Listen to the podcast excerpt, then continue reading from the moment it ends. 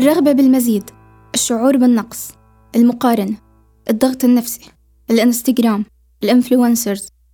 دوامة كبيرة من الصور والوسائط المختلفة يلي بنصحى وبننام عليها يوميا بدون انقطاع إلا في حال قررنا نستجمع كل قوتنا ونسكر التليفون ونبتعد عنه قدر الإمكان. كمية هائلة من التغريدات اللي بنظن إنها بتمر براسنا مرور الكرام مثلها مثل أي شيء آخر عابر وصغير. إلا إنها للمفاجأة ما بتكون عابرة أبدا. بل إلها تأثير ضخم كتير واعي وغير واعي بيساهم باتخاذنا لكثير من قرارات الشراء وتحديد الأولويات من طريقة استهلاكنا للملابس والأكل والأجهزة الإلكترونية وحتى الكتب. بالإضافة لزيادة المقارنة المتعبة اللي بيقوم فيها عقلنا كتير مرات مقارنة الحياة مقارنة الاستطاعة المادية بدون مراعاة لأي من الاختلافات والفوارق. ما بينحصر هذا التأثير على المدى القصير بل بيمتد وصولا لتغيير طباعنا وعاداتنا الشخصية بالاختيار والتفضيلات. أنا يمان الدالاتي وهذا بودكاست على العتبة من إنتاج نوم بوست. على العتبة هو برنامج بيطرح مشاكل واهتمامات المرأة العربية بشكل مختلف لإعادة التفكير فيها من جديد. واليوم رح أحكي عن قدرة ال influencers والفاشينيستا أو مواقع التواصل الاجتماعي بشكل عام على تغيير سلوكنا وتحكمهم بحياتنا بإرادة مننا أو بدون. مين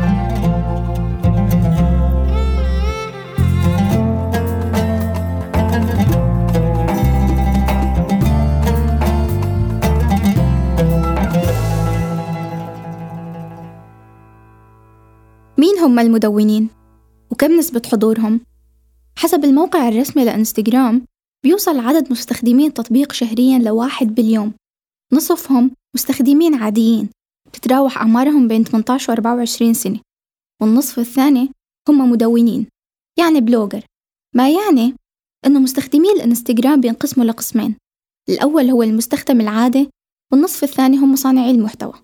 أنا رولا آه، كان عندي حساب مفتوح آه، كمدونة شخصية لمدة تقريبا سنة وسبع شهور وسكرته من حوالي ست شهور تقريبا آه، كانت على الانستغرام كنت بحكي أو بنشر عن مواضيع متعلقة بالمجتمع بشكل عام يعني آراء شخصية كانت بحتة هي رولا قبل عدة أشهر كانت وحدة من آلاف المدونين على إنستغرام. بعد سنة ونصف من كونها بلوجر كسبت ما يقارب أربعين ألف متابع ومتابعة إلا إنها قررت تسكر حسابها وتنهي هالتجربة. طلبت منها تحكي لي عن الأسباب يلي دفعتها لتمشي بهالطريق أولاً ولإنهائه لاحقاً. وشو أصعب شيء بتشوفه بهاي التجربة؟ أعتقد اللي هو سلبي يعني وهو أحد الشغلات اللي خلاني أفكر لاحقا الحساب. هي فكرة إنه بلشت احس حالي عم بتأثر بالناس نفس تصنيفي مثل ما بيقولوا. يعني إنه بلشت احس حالي عم بهتم بشغلات آه، لا بلشت تضايقني.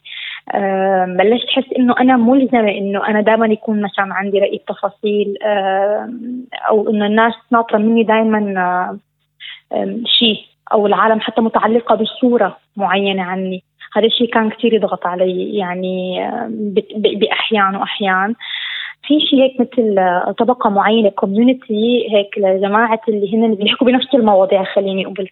كانوا أوقات مثلا يتواصلوا هن معي العالم مثلا تربطني فيهم. هي نقطة من النقاط هيك كانت شوي تزعجني. هذا الشيء بيخلي الواحد مثلا يراقبهم شوي أكثر يمكن. تحسي حالك بنقطة معينة إنه أنت كان عم تأذيهم شوي. أو عم تشوفي إنه هن مثلا حققوا بنقطة معينة شغلة أنت ما عرفتي تحققيها يعني بتبلشي تقارني حالك شوي فيهم وهذا الشيء الواحد ما بينتبه عليه تلاقي حالك فجأة صرتي هيك آه يعني طلعتي عن المسار مثل ما بيقولوا وخلص بلشتي ضمن مصنفه مع مجتمع معين أو طبقة معينة من المؤثرين الموجودين بنفس المجال يعني.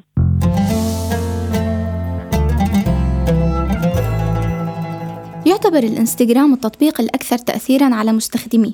نتيجة شكله المناسب تماماً لنشر المحتوى البصري اللافت للانتباه الأمر اللي جعل من إنستغرام الهدف الأول للشركات بالترويج لمنتجاتها. بدليل ترجيح 800 شركة حول العالم زيادة استثمارهم بال influencers وبشبكات التواصل الاجتماعي. والنتيجة كانت زيادة 5.5 مليار دولار أمريكي عن عام 2016 مقارنة بعام 2019 الضخ والإعلان ما هي بس الطرق اللي بتتبعها الشركات لتأثر على المتابعين بل أيضا تلجأ لتحليلات ودراسات نفسية تجريها على جمهورها أو الجمهور اللي بتسعى لأنها تكسب اهتمامه. من خلال تقديم المنتج بصورة تشبه المستهلك يعني style ملابسه أو طريقة عيشه أو بيئة سكنه أو عوامل ثابتة بشخصيته. الأمر اللي بمكنها من إقناع المستهلك بالمنتج بصرياً ومن دون وعي منه. بالتالي بيتقدم المستهلك ليشتري وبيشارك حتى بالترويج لهذا المنتج من خلال مشاركته الصور ومقاطع الفيديو عبر ذات المنصة. هيك حتى تتشكل حلقة غير متناهية من الترويج. طب كيف بينعكس الأمر علينا؟ على المدى القصير بتزيد رغبتنا بالحصول على المزيد من كل شيء المال، الجمال، الرفاهية وغيره كتير. وعلى المدى الطويل بيؤدي هالتأثير التراكمي لأنه تتغير ثوابت من المفترض إنها ناتجة عن اقتناع. مثل تغيير سلوكياتنا بالشراء أو المعايير اللي بنحدد من خلالها أولوياتنا أو حتى تغير المقياس كله. أي بينما كان الشراء مرتبط بالحاجة أصبح مرتبط بالكماليات والشعور بالأفضلية. ما بس الشركات بتحاول تأثر علينا بل حتى الأشخاص اللي نحن بنتابعهم الإنفلونسرز مثلا أو حتى المدونين عن السفر. بتتغير اختياراتنا وبنوثق فيهم أكثر كل ما زاد عدد المتابعين عندهم. يعني مثلا 92% من مواقع التواصل الاجتماعي يعني نحن بيعتمدوا على عدد متابعين الشخص وبيوثقوا فيه أكثر كل ما ارتفع عدد متابعينه. في مرة من المرات صراحة يعني هو موقف خلاني أعيد التفكير بكل شيء من الصفر إنه كنت بأحد النقاشات مع أحد الأشخاص فبيقول لي إنه إنه أنت لو بيوم من الأيام قلتي أو ذكرتي فكرة معينة أثرتي فيها بالناس وكانت غلط. هل انت مستعدة تتحملي مسؤوليتها يعني قدام رب العالمين تجاه هاي الناس؟ يعني الحقيقة هون هيك حسيت إنه من هذا الموقف لا لازم إنه يعني حرك فيني صراحة شغلات. والحقيقة إنه الموضوع بجر يعني ممتع. آه، إنه والله ناس تكون حواليك وتمدحك. فلو حتى كان ممكن يخطر لك هي الفكرة تتجاهليها يعني لأنه خلص انت مستمتعة بنقطة معينة. ما في فائدة حقيقية من إنه شخص ما بغض النظر ولا غيرها إنه يبرز اسمه آه بينما لا الفكرة هي المفروض لازم تبرز. يعني لما يكون شخص بارز فكل شيء بيحكيه العالم ممكن تستقبله. شو لما بيقول بشكل طريقه يعني طريقة جذابة أو حلوة؟ تستقبل بدون ما تفكر. بعد عملية بحث صغيرة بالإنترنت بنلاقي إنه تأثير ال influencers ومواقع التواصل الاجتماعي لا يقتصر على تغيير طريقة تفكيرنا بل بيمتد بطريقة لا واعية للتأثير على صحتنا النفسية والعقلية. أكيد كتير منكم حس مرات إنه مرهق من المتابعة وبده ياخد استراحة. بهذا الموضوع بتقول دانييلا وجستاف محاضرة وأستاذة مختصة ببحوث المقارنة إنه الإنسان بالحالة الطبيعية بيستخدم مقارنته مع الآخرين لمعرفة مكانته اجتماعياً.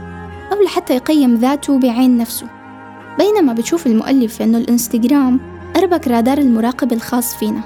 من خلال وضعنا باستمرار أمام مقاييس واختبارات كتيرة نوهت الكاتبة أيضا لإتاحة مواقع التواصل إلنا فرصة لحتى نظهر بشكل آخر غير حقيقتنا.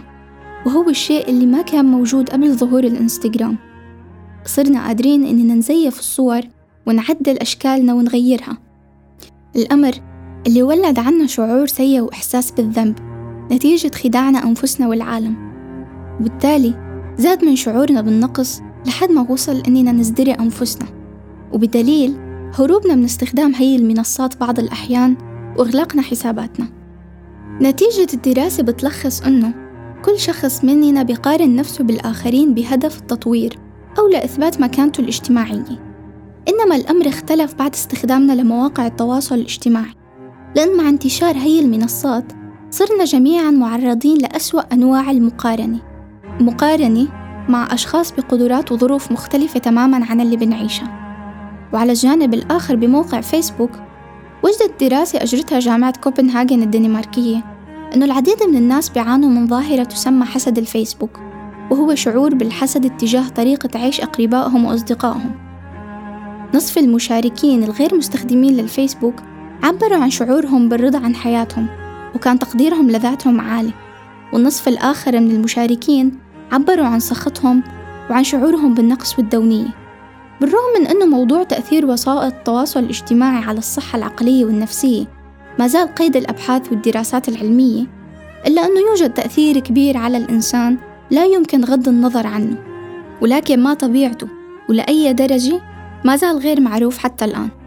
هلأ أنا بعد ما جربت إني أنا أكون يعني هيك عندي نقول حساب عام أو إنه في عالم يعني أنا ما حاحكي عن إنه أنا شو تابع حاحكي إنه أنا كونه في عالم مثلا بوقت تابعتني وبعدين هذا الموضوع راح. الحقيقة آه راحة كبيرة لمدفعتي جدا جدا. يعني يمكن هذا الكلام لما نحن كنا نسمعه لأنه هو ضد رغبتنا ك يعني نحن متسلين كثير هنيك ما نتقبله. بس لما الإنسان يجرب فعلا يبعد آه، لا بصير يعني أصلا أقرب للاستغناء أتوقع. نتيجة لكل الأمثلة اللي استعرضناها سابقا واللي أغلبها سلبية بدأت بعض المنصات الكبرى مثل فيسبوك وإنستغرام تقديم ميزة بتساعد المستخدم لحساب ساعات استخدامه لهالمنصات. بهدف تقليل الوقت المهدر على التصفح. يعني بتقدم له حساب يومي أو أسبوعي أو شهري للساعات اللي استخدم فيها التطبيق. بالإضافة لتطوير خاصية التنبيه في حال تجاوز المدة المعينة اللي هو حددها سابقا.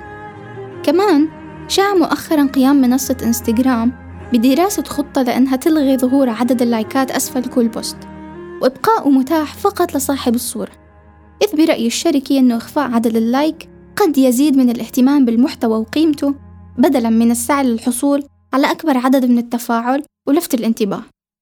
وبالرغم من وجود هي المحاولات إلا أنه ما زال بعض المختصين بيشيروا باستمرار إلا أنه هذا الأمر غير قابل للتحقق بشكل كامل بسبب أنه هي المنصات بالذات صممت خصيصا لحتى تجعل المستخدم يدمن عليها بداية من شكل وحجم الصورة وليس نهاية بالإضاءة والألوان المستخدمة.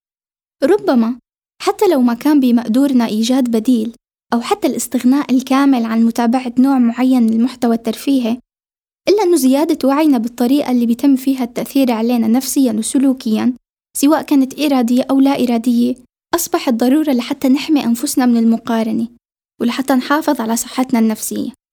كنت معكم أنا يمان الدالاتي في بودكاست على العتبة من إنتاج نوم بوست. تابعونا على ساوند كلاود سبوتيفاي أو أي podcast player آخر بتفضلوه. وتواصلوا معنا على فيسبوك you